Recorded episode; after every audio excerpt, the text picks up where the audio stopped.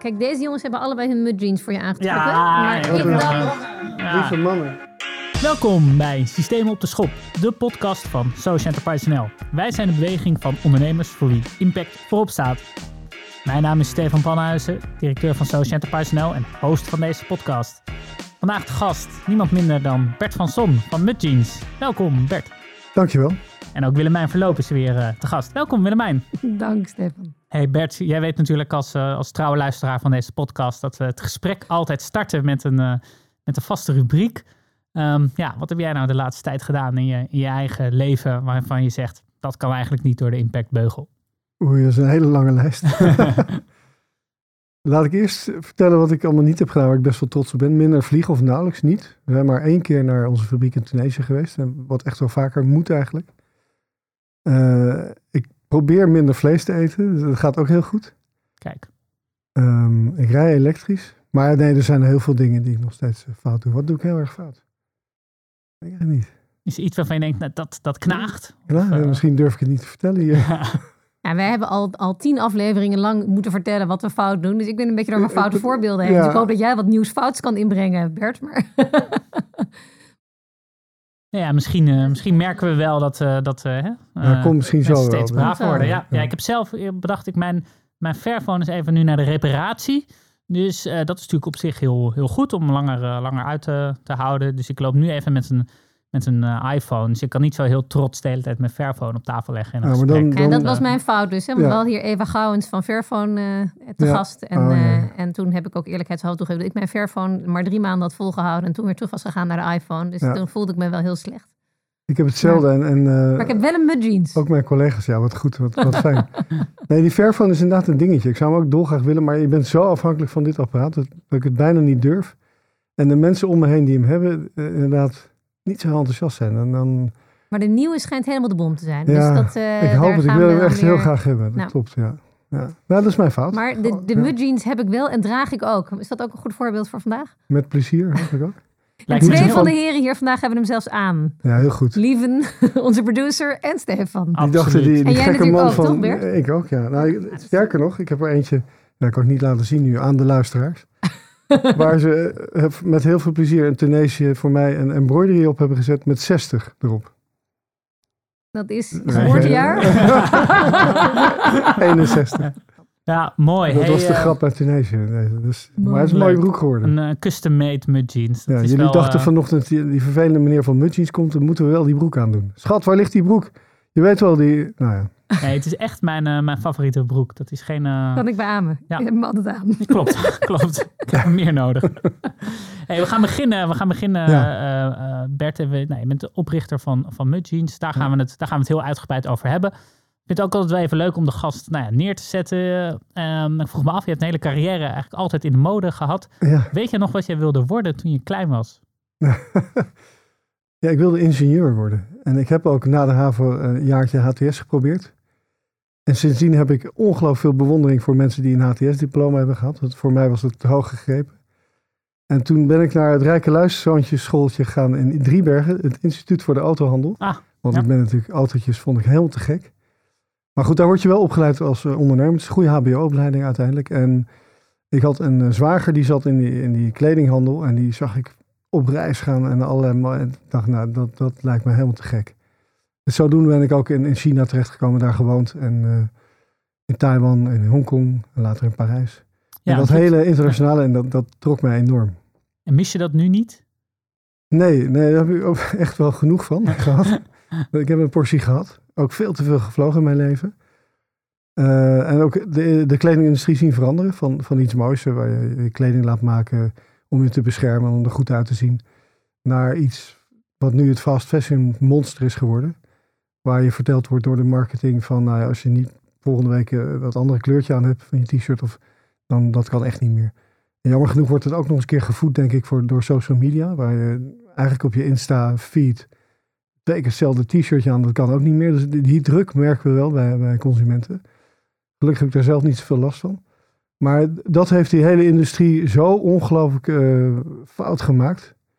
En is zo doorgeschoten naar, naar overconsumptie en naar hoe we het maken, waar we het maken, maakt allemaal niet uit. Wat we weg laten lopen, maakt ook niks meer uit. En hoe we mensen behandelen, is ook helemaal niet belangrijk. Ja, dat Ja, was dat verschrikkelijk. En ik zat er wel essentie- de middenin. essentie op van het drie probleem. na vervuilendste industrie van de wereld. hè? Ik dacht De- zelfs op, de- op, op twee na. twee na, maar- Ja. Maar jij bent nu natuurlijk al heel veel jaren dat aan het proberen te veranderen. Maar toen je er nog middenin zat, eh, Ja. wanneer kwam bij jou de omslag? Wanneer voelde je dat het niet meer klopte? Of was dat pas toen je eigenlijk in de- voordat je mut begon? Nee, de eerste stap voor mij was toen ik in Frankrijk een eigen kantoor begon en we met Disney-licenties begonnen te werken. En die waren vanuit de merkgedachte heel, heel Spanisch over van jongens, we willen echt nooit een kindje aan onze t-shirtjes zien werken, want dat mag niet. Dus toen kwam een beetje van, ja, dat, dat is toch eigenlijk ook normaal. Maar dus die druk van het merk Ja. om het allemaal netjes te doen en die code of conduct en alles en, en dat meemaken, dacht ik van ja, dit is eigenlijk, moet dit normaal zijn? En toen heb ik het geluk gehad dat iemand dat bedrijf wilde kopen. Dat kon ik verkopen en dacht ik, nou oké, goed. En ik kreeg ook nog een jaarsalaris mee. Ik dacht, nou dan is een mooi excuus om een jaar thuis te gaan zitten op vervroegd pensioen. En dan zie ik wel wat gebeurt. Nou, dat, zijn, dat beviel zo goed dat ik vier jaar eh, lekker ervan genoten heb.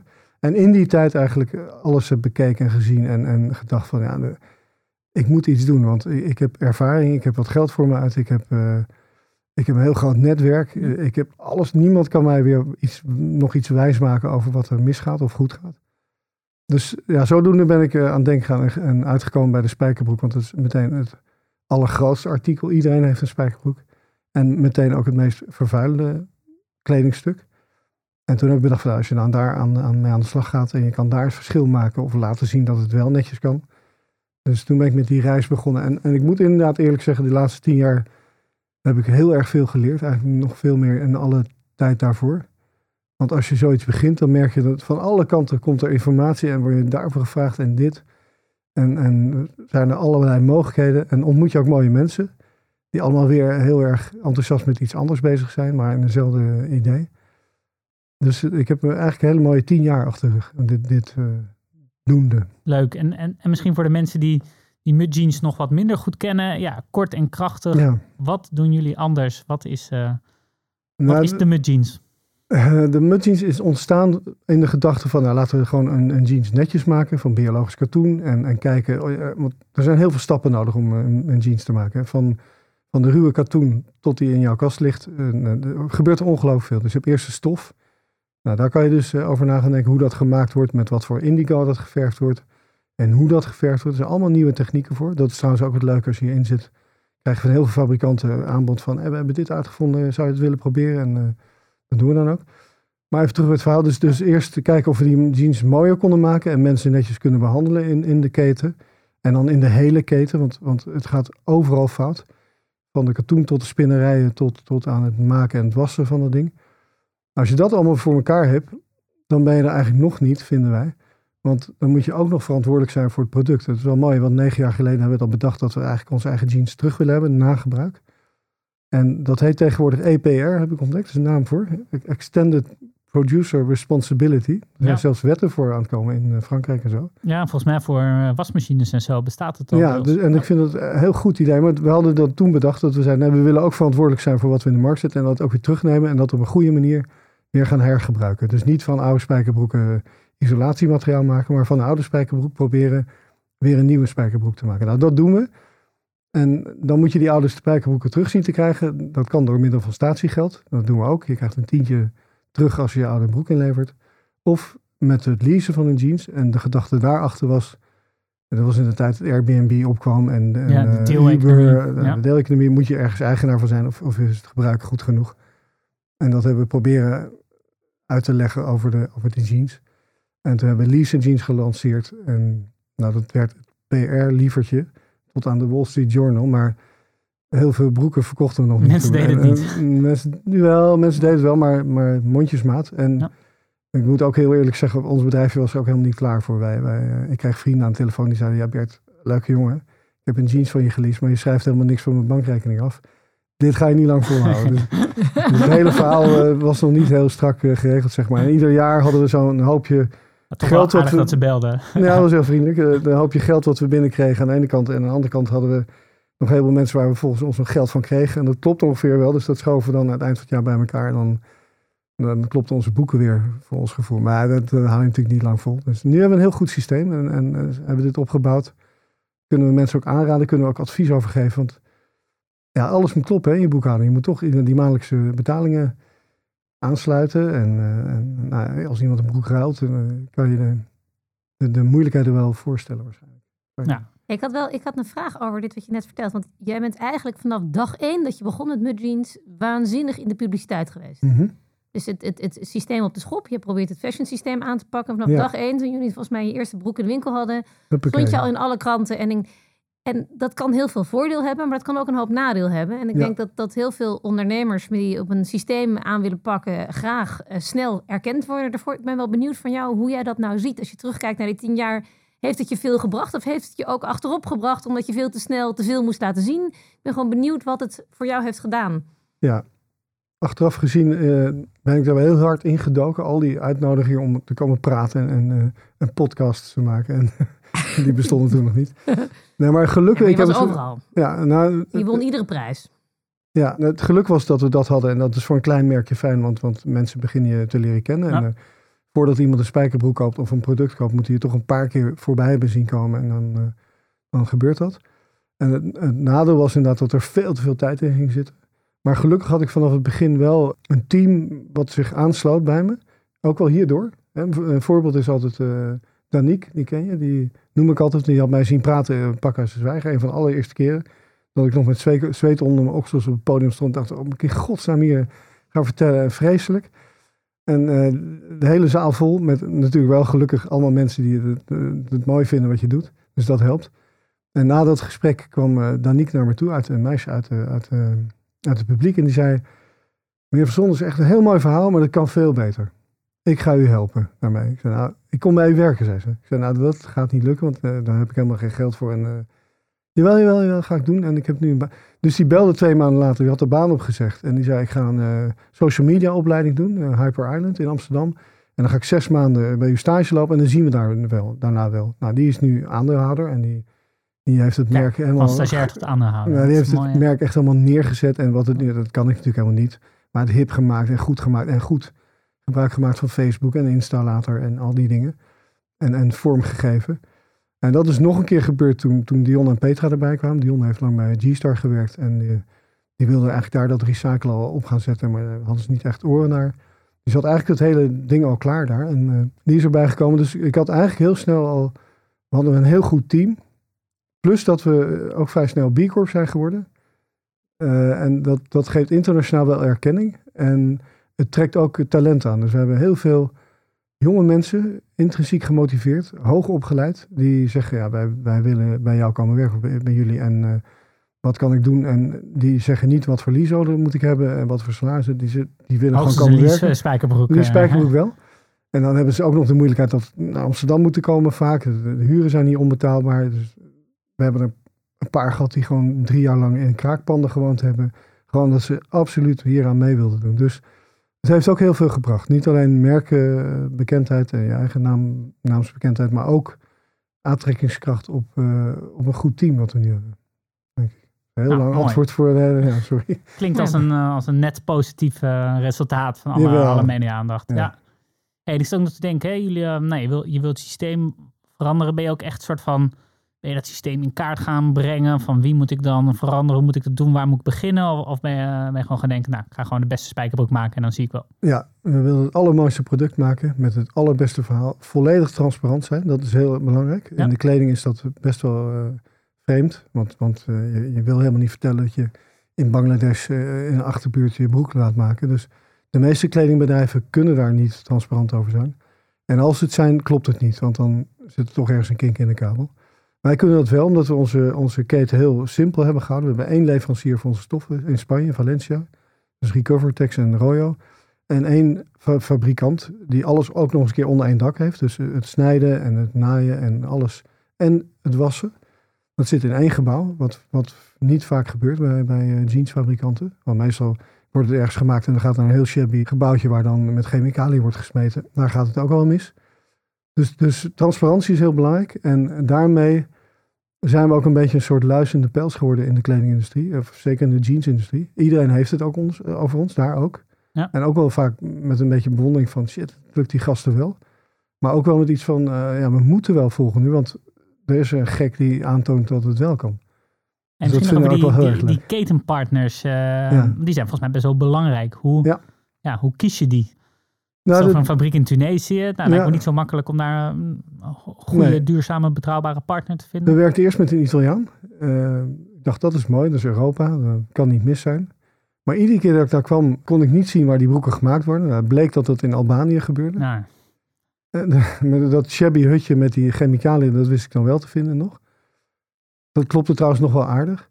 Want Europa heeft toch wel wetten en dat gaat wel aardig goed. En toen kwam Dion erbij, die had dat contact in Tunesië, waar hij veel mee gewerkt had. En die, ehm, die kende de eigenaar daarvan ook goed. En dat was wel een bijzonder verhaal, want die heeft... Het was ten tijde van de, de Arabische lente. Dat Tunesië het eerste land was waar, Ja. waar ze hun eh, grote, 2011 grote vriend ja. eruit een dictator. En hun eerste verkiezingen hadden. Wij waren er ook in die week. Dat was echt, ja, die voelde de spanning in dat land. Dat was eh, heel mooi. Maar die heeft gezegd van ja, ik kan nu eh, vluchten. Een best wel puissant rijke meneer. Kan naar Portugal vluchten met al mijn centjes en daar gaan zitten en dat is oké. Maar die heeft gewoon gezegd nee, ik heb, er werken hier duizend mensen. Eh, daar ben ik verantwoordelijk voor. Ik ga investeren in die fabriek en ik zorg dat ik eh, dat draaiend hou. Nou, wij zijn heel blij dat we hem nu van goede orders kunnen voorzien. Eh, wat ik zei, we zijn daar een maand geleden geweest. En dan zie je die hele fabriek vol liggen met onze broeken. Van de snijtafels tot aan het strijken. En hebben die mensen gewoon goed werken. Het is de eerste keer in mijn leven dat ik in een fabriek ben geweest... waar om vier uur s middags de mensen een eh, kaartje in de machine stoken... en eh, naar buiten wandelen en naar huis gingen. Of tenminste, die worden dan met bussen naar huis gebracht en opgehaald. Dus die hebben het gewoon goed. En als je zo'n economie daar die heel fragiel is... en waar het heel moeilijk nog is... en het lukt eigenlijk niet overal met die Arabische lente... zijn we best wel trots op dat we zo- zo'n fabriek eh, draaiend kunnen houden. En zeker nu eh, met de aantallen die we nu hebben. Nou, mooi. Want die is helemaal afhankelijk van jullie. Nee, hij doet ook wel, maar het, het is geen echte commerciële man. Hij, hij, het is iemand die heeft, hij zegt altijd, ik maak nobele jeans en dat klopt ook. Dus die gaat daar zitten in zijn kantoortje en heeft alles geïnvesteerd. De laatste lasermachines, eh ozonmachines om te bleken, nou, noem het maar op. En dan doet hij zijn armen over elkaar en zegt, ja, wat een gek dat niemand aanklopt om jeans met mij te kopen. Dus daar vertrouwt hij ook een beetje op, ons- op ons. We hebben wel geprobeerd daar andere klanten ook heen te sturen, want hij heeft veel meer capaciteit dan wij op dit moment kunnen volstoppen. Ja, dan krijgt hij hele vervelende eh onderaannemer-orders van andere slimme jongens. Ja, dan werkt hij zeg maar op CMT-basis, heet dat dan. Eh, ja, daar kan hij nog net eh, de mensen van betalen, maar dat is het.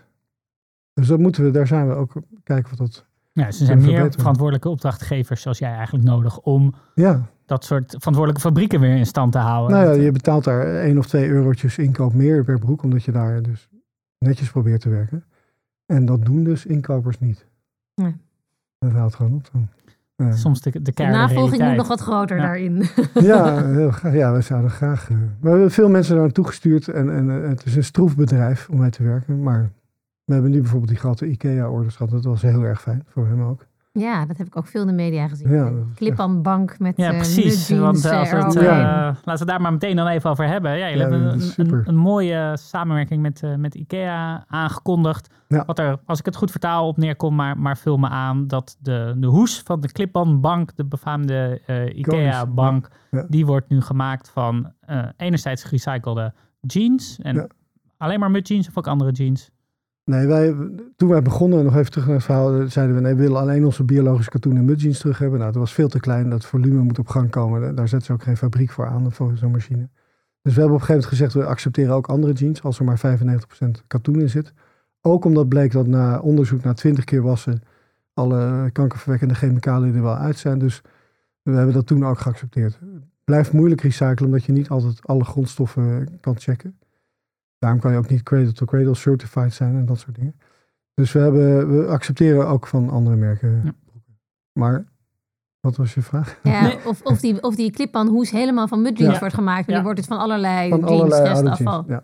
En die gaat wereldwijd, neem ik aan. Of is dit alleen IKEA eh, in, in eh, Nederland? En, eh, Nou, we zijn begonnen met Nederland. Het, Ja? het, het komt eigenlijk, het verhaal komt omdat we in een, een podcast zaten met, eh, geïnitieerd door IKEA. En dat werd geleid door Harm Edens. En eh, nou, dat duurde een, een, een uurtje. En toen, na dat verhaal, zei Harm, nou, nu moet Mudjeans en IKEA samen iets maken. En, en toen, uh, Alberik Pater, de, de eh, sustainability manager van IKEA toen, die zei, ja, nee, dat, dat klopt, dat moeten we gaan doen.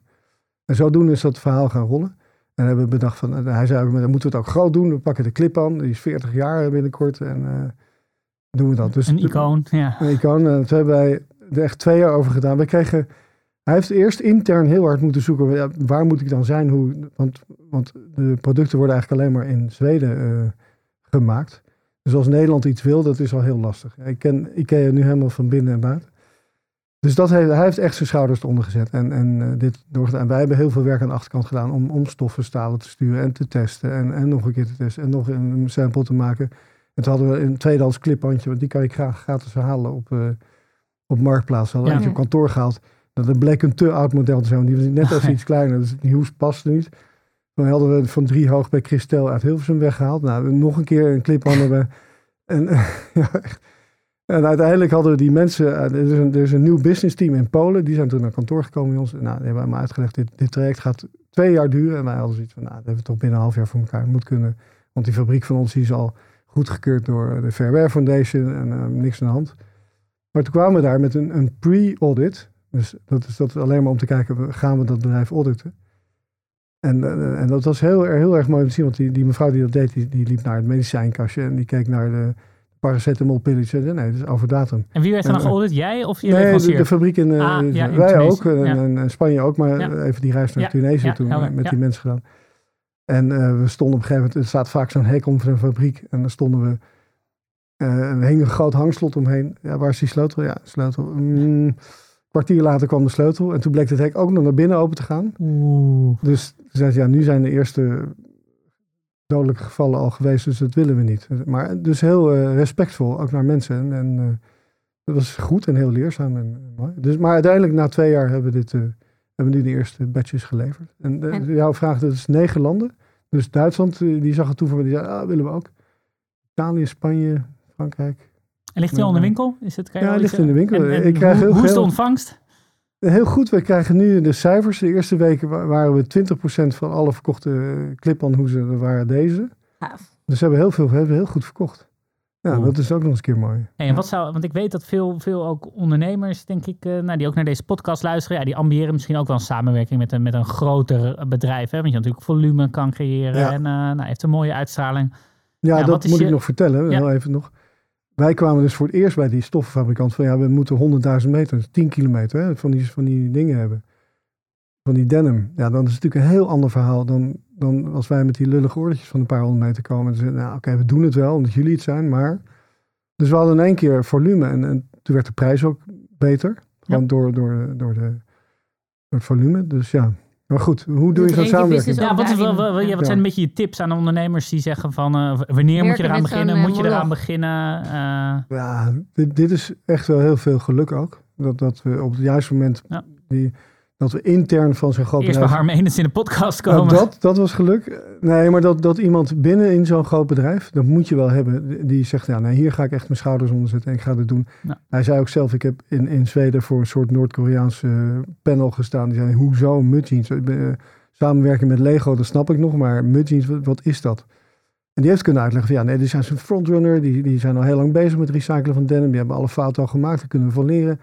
Dus hij heeft dat doorgekregen. Dat, dat is dus niet mijn verdienste, maar hij heeft echt Ja, je moet echt die coach. En, of en, maar zien ja. jullie er ook risico in dat als dit wereldwijd gaat bij IKEA, dat dit gewoon je business overneemt? Omdat dit, dit zo groot zou... Ik probeer maar even... Ja. Je, de- je hoort ook van sommige ondernemers die grote samenwerkingen met corporates aangaan, maar die daar een soort afhankelijkheidsrelatie ontstaat. Ja, Omdat ze een te belangrijk deel van de, van de omzet daar vandaan komt. En als zo'n samenwerking dan stopt, wat blijft er dan van het business over?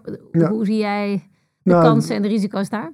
dat is, dat is begrijpelijk dat dat gezegd wordt. Bij ons is het nu dit jaar met die grote leveringen aan IKEA is het ongeveer 20% van onze omzet. Dus dat is acceptabel, vind ik. En vinden de banken ook. En we hebben natuurlijk hier ook weer financiering voor gezocht. Omdat ja, hoe groter dit wordt, je moet het ook kunnen financieren. Dus dat is een uitdaging. Maar met zo'n verhaal zijn banken zijn ook wel geïnteresseerd hoor. Dan wordt het ook een stuk makkelijker praten. Want IKEA gaat wel betalen. En is, dat is ook een goede partner. Dus ik zie het op dit moment niet echt als risico. Omdat onze gewone business ook heel hard groeit. Dus het blijft in verhouding. En we hebben eigenlijk een hele mooie verhouding. Omdat 50% van onze business doen we zelf op onze eigen webshop online. Ja. Wat echt heel sterk is. En dat is in coronatijd ook nog eens een keer verdubbeld. En we leveren aan ongeveer 300 winkeliertjes in 30 landen. Dus het is heel verspreid. Dus dat- je zou kunnen zeggen nu in coronatijd, dat ja, gaan dan winkeliers failliet of zo. Of hebben mensen die... Nou, we hebben er één of twee gehad. Dus we hebben best wel een heel risicoloos... Je hebt het risico mooi eh, verspreid. Ja, is, Nederland het grootste land van de 30? Of zijn er Nee. al... eh, nee, niet meer? by far not, nooit oh, geweest. nooit geweest. Vertel. Dat is niet waar. Waar is, welk land vinden we de meeste muds? De online is Nederland het grootste. Ja? Dus Dat loopt heel goed. En of, dus retail is eh, Duitsland heel groot. En Zwitserland doen het ongelooflijk goed. Frankrijk hebben we sinds een jaar een nieuwe agent. en Die, die, nou, die heeft echt waanzinnig goed werk geleverd. En dat kwam een beetje omdat daar, die was ook de agent van, of is ook de agent van EcoAlf. Dat Ah, kent? ja, wel Ken ik bekend. niet. Ja, Spaans Ja. merk. Oké. Ja, dus die, had al, die hebben een hele uitrol gehad met EcoAlf en die doen geen jeans. Dus wij pasten daar eh, naadloos, is sloten we daarop aan. Dus we, we gingen het volgende seizoen zo hup, eh, in, in 50, 60 winkels mee in Frankrijk in één keer. Dus ja, dat was een goede keuze. En nu komt Zweden eraan binnenkort. We hebben een nieuwe agent in de Baltics. Maar Duitsland qua winkels is vanaf het begin echt het grootst geweest. Ook omdat we altijd naar de beurs in Berlijn gingen en daar heel enthousiast werden ontvangen. En ook in Duitsland nieuws kwamen.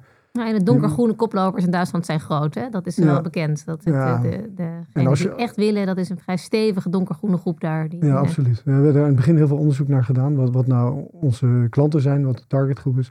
En als je door Berlijn loopt, dan zie je ook op iedere hoek van de straat een, een biologische voedselwinkel. Ja. Die voedsel loopt een beetje op ons vooruit, denk ik. Dus die, die waren, of toen waren ze echt wel verder. Maar ik zie bijvoorbeeld nu in Frankrijk, waar ik eigenlijk niet zo zeker van was, een enorme inhaalslag eh, qua duurzaamheid. Ook door, door de regering daar en door, door nieuwe wetten. En die, die zijn echt heel hard bezig.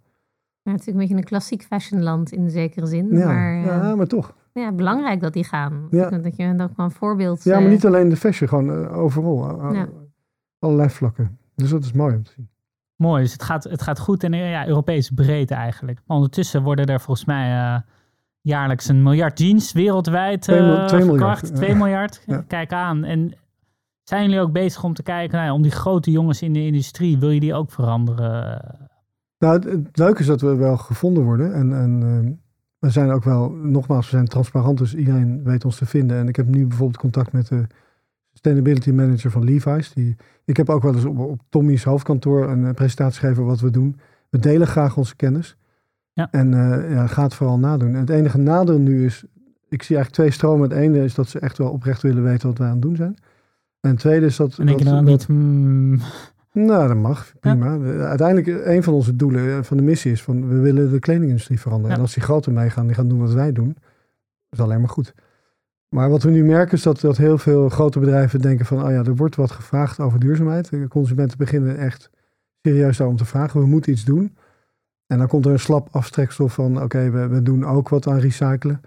Eh, we, we gebruiken 20% pre-consumer waste. Wat echt al 100 jaar gebeurt, want dat zijn zeg maar de snijafvallen wat in de fabriek overblijft, nou die katoen kan je ook recyclen. En dat is ja, ja, een stuk minder moeilijk, want het is een hele mooie monogame stroom. En dat is, een beetje eh, do not print this e-mail-achtige duurzaamheid. eh, ja, nou ja, dat is een Iets goede. beter misschien. Nou, bedoel, als je er dan zo hard over roept, wees dan ook echt eerlijk. En, en zeg dan gewoon, nou, we kunnen nog beter, maar we doen nu dit. En we willen graag dat. Maar, Ja. maar dan zeg het dan Nee, niet voor de- 2050. Weet je. De claims dat het van gedeeltelijk van recyclable en dan blijkt dat alleen het stiksels eh, Ja. dat, dat soort eh, hebben we natuurlijk wel veel voorbij gehad in de afgelopen jaren. al. Ja, dat vind ik wel heel jammer. Maakt je als consument wel wat wantrouwend over Exact, de ja, claims. consumenten hebben het al moeilijk om te kiezen. Het, Ja. het is heel erg moeilijk eh, als je niet iets van de kledingindustrie weet en, en je wordt met allerlei verhalen gebombardeerd. Dus dat maakt het moeilijk. Dat, eh, we staan nu bijvoorbeeld op Zalando. En eh, dat, nou, op onze manier is ook een heel gesprek geweest, zal ik je nou niet meer lastigvallen, maar daar balen wij dus van dat er bij een heleboel merken groen vinkje staan. En ook bij ons. En dat haalt ons eigenlijk weer naar beneden. Ja, precies. Dat is Ja. dan niet goed voor je. voor Want imago. was eigenlijk de koploper op jeansgebied Ja. voor jullie, hè? Nou, die zijn nog steeds heel goed. Die doen vooral met heel veel met biologisch katoen. Ja. Zijn ze, waren ze een van de eerste mee. Bestaan ook iets langer. Maar ik denk dat ze een klein beetje de slag gemist hebben om om echt het recyclen en, en verantwoordelijk zijn voor wat je in de markt zet.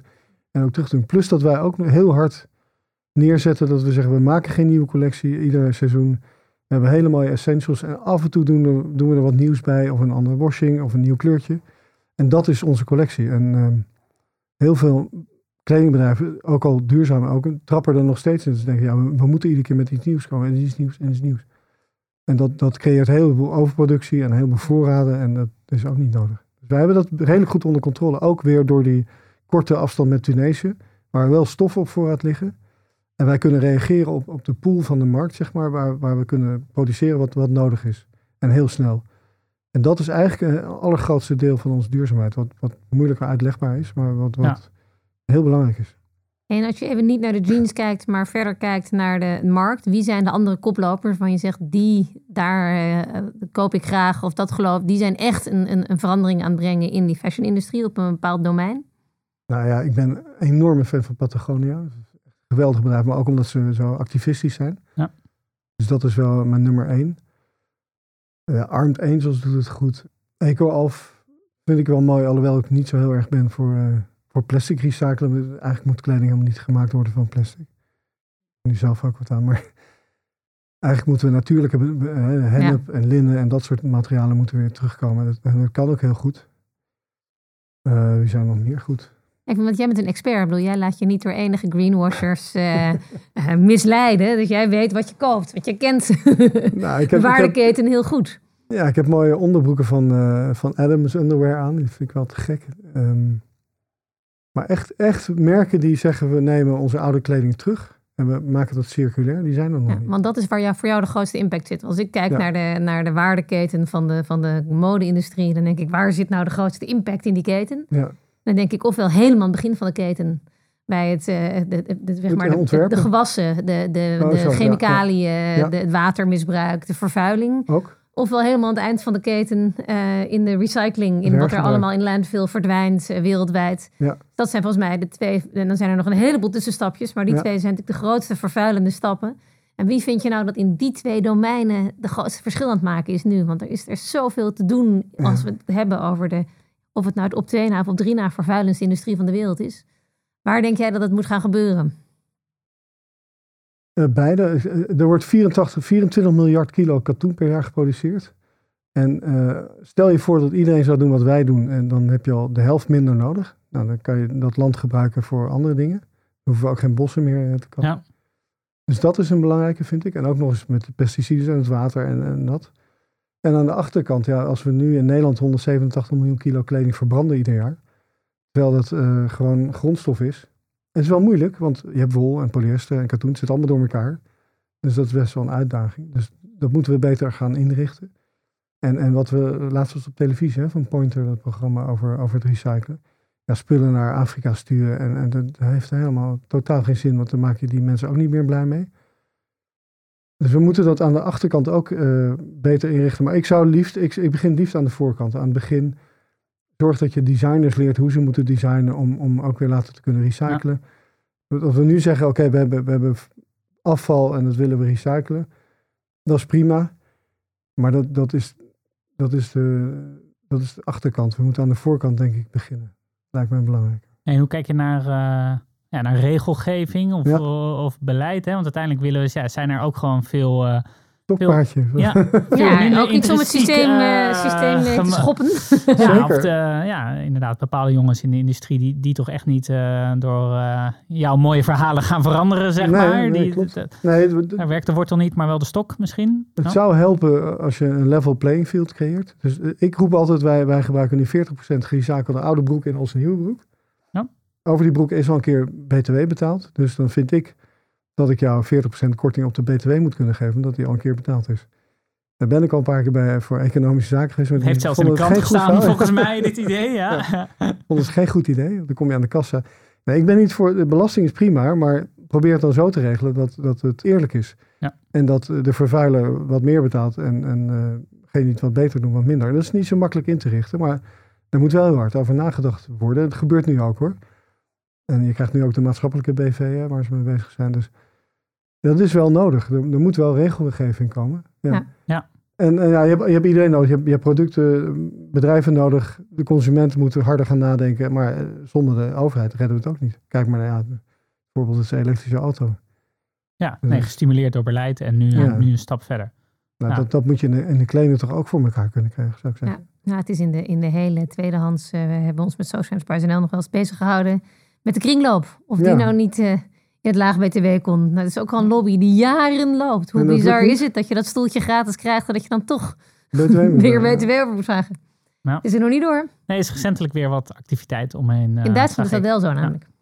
Ja, lijkt me ook logisch. Ja. Ja, Cecile van Copper Eten is heel hard mee bezig. Ja. De dubbele BTW. Nou, Ja, het zijn de- van die, van die systemische eh, weeffouten, vind ik, waarin Ja. je zo'n grote versnelling zou kunnen geven aan hergebruik. Absoluut, ja. Maar, en, en eh, ook aan repareren. ja. Het moet ook veel goedkoper worden. Ja, we, gaan nu praten over de, de, de, de belasting op arbeid. Ja. Ja. Dat moet natuurlijk absoluut gaan eh, veranderen. Naar, Ja, want wat ik me nog wel afvroeg, hè, je leest ook wel eens van, er zijn ook een Ja. paar partijen, bijvoorbeeld ook in eh, Social Enterprise Netwerk, à la eh, Makers Unite en A Beautiful Ja. Mess, die proberen ook het ambacht naar, naar Nederland te halen, eigenlijk het textiel ambacht. Hoe kijk jij daarnaar? Nou, dat, dat is ons ook voorgelegd of wij niet mee wilden in een eh, conglomeraat om, om hier dan een jeansfabriek op te gaan richten. En, Ja. en ik heb er wel andere gedachten over. Ik denk, als ik in Tunesië kom en ik kan de fabriek dus niet te ver weg, eh, de CO2-uitstoot van het bootje van Tunesië naar Marseille, echt, dat is niet zo'n groot Is het probleem. overzien? Ja. Dan vind, dan vind ik het belangrijker dat wij dat daar laten maken, die mensen daar gelukkig maken en dat, dat land kan floreren. Dan in plaats van hier een fabriek neerzetten waar dan waarschijnlijk toch ook vluchtelingen in komen te werken, kan, je, kan gebeuren. Goedkope arbeid is dat toch vaak. Ik denk niet dat wij daar in Nederland op zitten te wachten op dit moment. Dus ik ben, ik ben er wel voor om te kijken of we het werk eerlijk kunnen verdelen en, en eh, economieën kunnen ondersteunen. Niet te ver weg ook. Ik, dat wij in Spanje recyclen, vind ik ook wel mooi. Want Spanje heeft ook een soort industrie nodig en een economie. En dat moet ook een beetje beter gaan. Nou, het gaat wel aardig nu, geloof ik. Ja, Dus ik ben wel een beetje- je de, de maakindustrie in bepaalde Ja. landen centreren en andere industrie in andere landen? Is dat eh, eigenlijk... Nou, ik weet niet, maar voor de, voor de kleding. Kijk, zo'n zo'n jeansfabriek neerzetten, dat klinkt eenvoudig, maar het is echt ingewikkeld. Daar moet je echt know-how van hebben. Dat, dat, dat doe je niet zomaar. En of we dat nu op dit moment hier naartoe moeten halen, weet ik niet. Ik weet niet of dat, of dat heel verstandig is. Nee, vind ik interessant, eh, nou, bijna tegengeluid om het zo te zeggen. Ja, maar nou, nee, wat je zegt over Tunesië, een- ja, ik zie dat heel erg voor me. Dat, dat het is een prachtig land, heel groot. Ja. zijn heel veel mensen, eh, eh, lieve mensen die, die daar graag wonen, die daar graag zitten. eh, die moeten dan naar Nederland komen in de fabriek werken. Hier zou je bijna, dat is natuurlijk Ja. niet zo. Maar, eh, Nee, maar dat zou natuurlijk niet... eh, de nee. gedachte, het was Naskawan in deze podcast en een eerdere die het... eh, van de Refugee Company, het, zeg maar het atelier, het stoffenatelier runt, die heel erg zoek was naar het terugbrengen van de maakindustrie, waarin we zelf weer Ja. dichter, de dichtere, de kortere lijnen van de producent en, en, en, en de creatieve Lokaal, en hè? zo. en, Ja, ik ben enorm voor en- lokaal. En, dat was eigenlijk haar. Dus daarom dat ik dat gedachtegoed even aan het... Maar ik, Ja. nou, ik denk dat het nooit eh, het idee daarvan is om heel veel mensen werkloos te maken in andere landen. Maar wel ook om te kijken hoe we delen daarvan ook weer dichterbij kunnen brengen. ja, nee, maar dat en doen wij wel. talenten. Het repareren en, en dat soort dingen, dat, dat, dat laten we in Nederland natuurlijk doen. En dat is ook belangrijk. Onderdeel dat die, dat die spijkerbroek heel lang meegaat. Dus dat doen we wel in Almere met, met Mia samen en nu met Makers United. Ja. En we zijn met, eh, met Amsterdam, de MRA, bezig om te kijken of we dat op kunnen zetten samen met Patagonia. Maar wij zijn piepklein erin. Wij hebben maar, onze broeken zijn zo goed, die gaan kapot. Ja, maar je bent een koploper. Ja. En als koploper heb je ook weer invloed op de rest. Dus Ja, daarin is is, waar. is het eh, wel mooi Ja. hoe je... En dat, dat dat vind ik wel mooi aan wat je vertelt ook. Hoe je anderen daarin mee kan trekken. Ja, En een IKEA meetrekken en zoiets. En die is natuurlijk wel langer op dit domein bezig, maar nog niet in jeans. Dus ik ben wel heel, heel ik vind dat wel heel cool. Dat, je, dat is het systeem toch uiteindelijk veranderen vanuit een klein initiatief. En ik hoop dat het mut nog honderd keer groter wordt. maar uiteindelijk hoop je ook dat je de rest meetrekt. nee, maar dat gebeurt ook wel. We zien, we zien echt wel dat eh, grote jeansbedrijven best wel willen. Maar dat is moeilijk hè. Als je een groot jeansbedrijf hebt met, een- met een designafdeling die de hele wereld over reizen, enorme kosten maken. Kijk, wij zijn natuurlijk ook een heel scherp klein bedrijf. We kunnen heel goed op de kosten letten en, en dan maar wat minder marge. Omdat wij dus een nette prijs betalen aan inkoop en we kunnen niet veel duurder gaan verkopen, is onze marge gewoon iets minder. Dat is niet erg, maar dat betekent dat je geen gekke dingen... Ik kan niet een geweldige stand bouwen op een, op een, eh, op een beurs. Of ik kan geen waanzinnige televisiecampagne reclame eh, neerzetten. Dat gaat niet. Dus, eh, ja, Nee, want hoe gaat we het met jullie als bedrijf nog even? Gaat het... eh, Nou, het, het ja, is, het is heel moeilijk om, om break-even te draaien en om een klein beetje geld over te houden aan het eind van het jaar. Het blijft lastig. blijft uh, En dat hard zit er in schaal. Ja. Gewoon hoe meer ja, schaal. volume, vooral vo- schaal. Ja, nu gaat het een ja. stuk beter, maar, maar afgelopen zes, zeven jaar... Ja, maar je hebt ook wel een aantal hele vernieuwende dingen geprobeerd. En die, die, Ja. die betalen ze natuurlijk nog niet meteen terug. Nee, dat, klopt. De lease jeans. dat kan ik beamen. En het, die je niet afschreef. Ja, een mooie start van de podcast. Oh ja, sorry, dat is vergeten. Lise Jeans, eh, ja, je, je bent ermee begonnen en ik, ik begreep dat het ook weer op een bepaalde manier terug gaat komen. Ja, we, gaan, we- doen het nog steeds al, al, al heel lang, maar vooral online. En ehm, dat, dat is voor ons wel behapbaar. Dat kunnen we nu heel goed. Hebben ook een systeempje voor. Maar we kregen heel veel retailers die zeiden ja, er komt er iemand in mijn winkeltje. Die past dan die broek. En die zegt dan heel vrolijk van ik ga hem dan nu online bij Mud Jeans leasen, want dat vind ik zo leuk. Nou, dat is dus ook niet duurzaam. Dus we hebben nu iets bedacht. We hebben een oplossing bedacht voor na corona. Alle retailers hebben het moeilijk. En gezegd, we gaan het nu ook in de winkels uitvoeren. Dus een winkeltje X maal Mudjeans kan je een uh, Mudjeans leasen. En die winkelier, die, die, dat is een beetje een ingewikkeld verhaal, maar die kan onze hele collectie hebben in verkleinde vorm. Moet ik uitleggen, we hebben bijvoorbeeld 20 modellen van dames en 10 van heren en dat in drie kleuren en 20 maten. Dan praat je over 2000 SKU's ongeveer. Ja. Nou, dat, dat kan je niet allemaal in je winkeltje neerleggen. Maar je kan wel zeggen, van één kleur heb ik alle maten en van alle andere kleuren heb ik één sample. En dan kan jij daar je keuze uit maken en dan wordt hij de volgende dag opgestuurd. Dus we, we gaan iets creëren waarbij de winkelier niet zoveel risico meer hoeft te lopen om grote voorraad te hebben. Dat doen we centraal vanuit Utrecht voor heel Europa. En daar kan je gewoon je, je jeans passen en leasen en dan wordt die opgestuurd. Mooi. Ja, het klinkt ingewikkeld, maar eh, het is echt een goede oplossing. Ik, uh, ik begreep hem, proberen. I'm in. eh, Ja. uh, hartstikke duidelijk. Super mooi. ja, Ja. eh, Bert, dank je wel voor deze Zijn we er mooie alweer doorheen? We zijn er alweer verhalen. We zijn er doorheen. bijna, bijna doorheen. Eh, ja, we vragen altijd aan, eh, aan de gast, nou, ja, voor welke andere, andere social enterprise eh, zou jij nog even reclame willen, willen maken? Dat, dat mag buiten de fashion, dat, dat hoeft niet. Eh, maar wie zeg jij, nou, die verdient wel even wat extra aandacht? Nou, dat klinkt gek, maar dat is voor Tony Chocoloni. En dan ga je zeggen, dat is de laatste die het nodig heeft.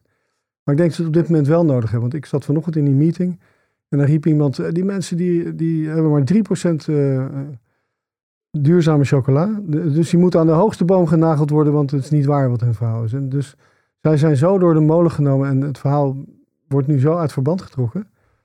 Dat ik toch wel wil zeggen dat, dat zij het wel heel erg goed doen. En ik, ik wilde eigenlijk vanochtend dat ik de ammunitie had om dat te kunnen weer, weer leggen, maar dat had ik eigenlijk niet. Dus ik moet even Ja, het mooie is, ik ben commissaris bij Tony Chocoloni. Ja, dus ja. eh, het, het voordeel is dat ze in ieder geval hun jaarverslag altijd transparant Ja, publiceren. nee, fantastisch. Waar je ook de, de bean to bar en alle sourcingsprincipes en ook hoeveel dat het 100% van de chocolade daaraan voldoet. Dus in principe kunnen mensen dat online gelukkig makkelijk vinden. En dan is het Ja. ook nog geaudit door PricewaterhouseCoopers. Dus nou, Ja, ik denk nee, dat ze eh, daarin eh, hun, Dus- hun value chain verdomd stevig eh, Maar het is soms, dan in de ben je zo hebben. een succes en dan, Ja, en dan dan- geloven mensen het misschien niet als je kop te hoog boven het maaiveld uitsteekt, dan is er niks leukers om daar Ja, en er is een, eh, van Erik de Groot, Iron Roots, maakt hele mooie sportkleding van hennep.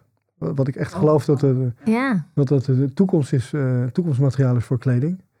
En die maakt hele mooie eh, eh, renkleding en dus niet meer met dat plastic en alles. En die, want hennep was vroeger altijd heel hard in kleding. Ja, ja, maar dat kunnen ze inmiddels... Ja, oh, dat, ik heb dat wel eens geprobeerd, maar het was dan van die hele harde kleding. Je wil ook dat het zacht is. Maar dat Klopt. zal vast wel weer vernieuwd en verbeterd zijn. Ik Klopt. ga er naar kijken. hij heeft hele mooie stoffen. We gaan eh, het, eh, we hij gaan het opzoeken. heel dapper en dat is nog heel klein. En doe doe Precies, zijn, dat doe zijn zetten we- website erbij. Dat zetten we in de show notes. Gaan we daar ook eens aan beginnen. Ja, heel graag.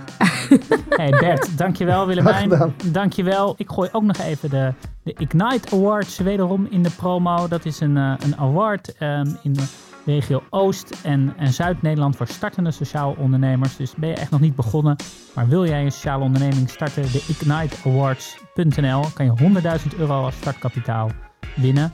Een hele mooie wedstrijd. Schrijf je in. Dus schrijf je in en dank Ja. voor het luisteren en eh, op naar de volgende. Dankjewel.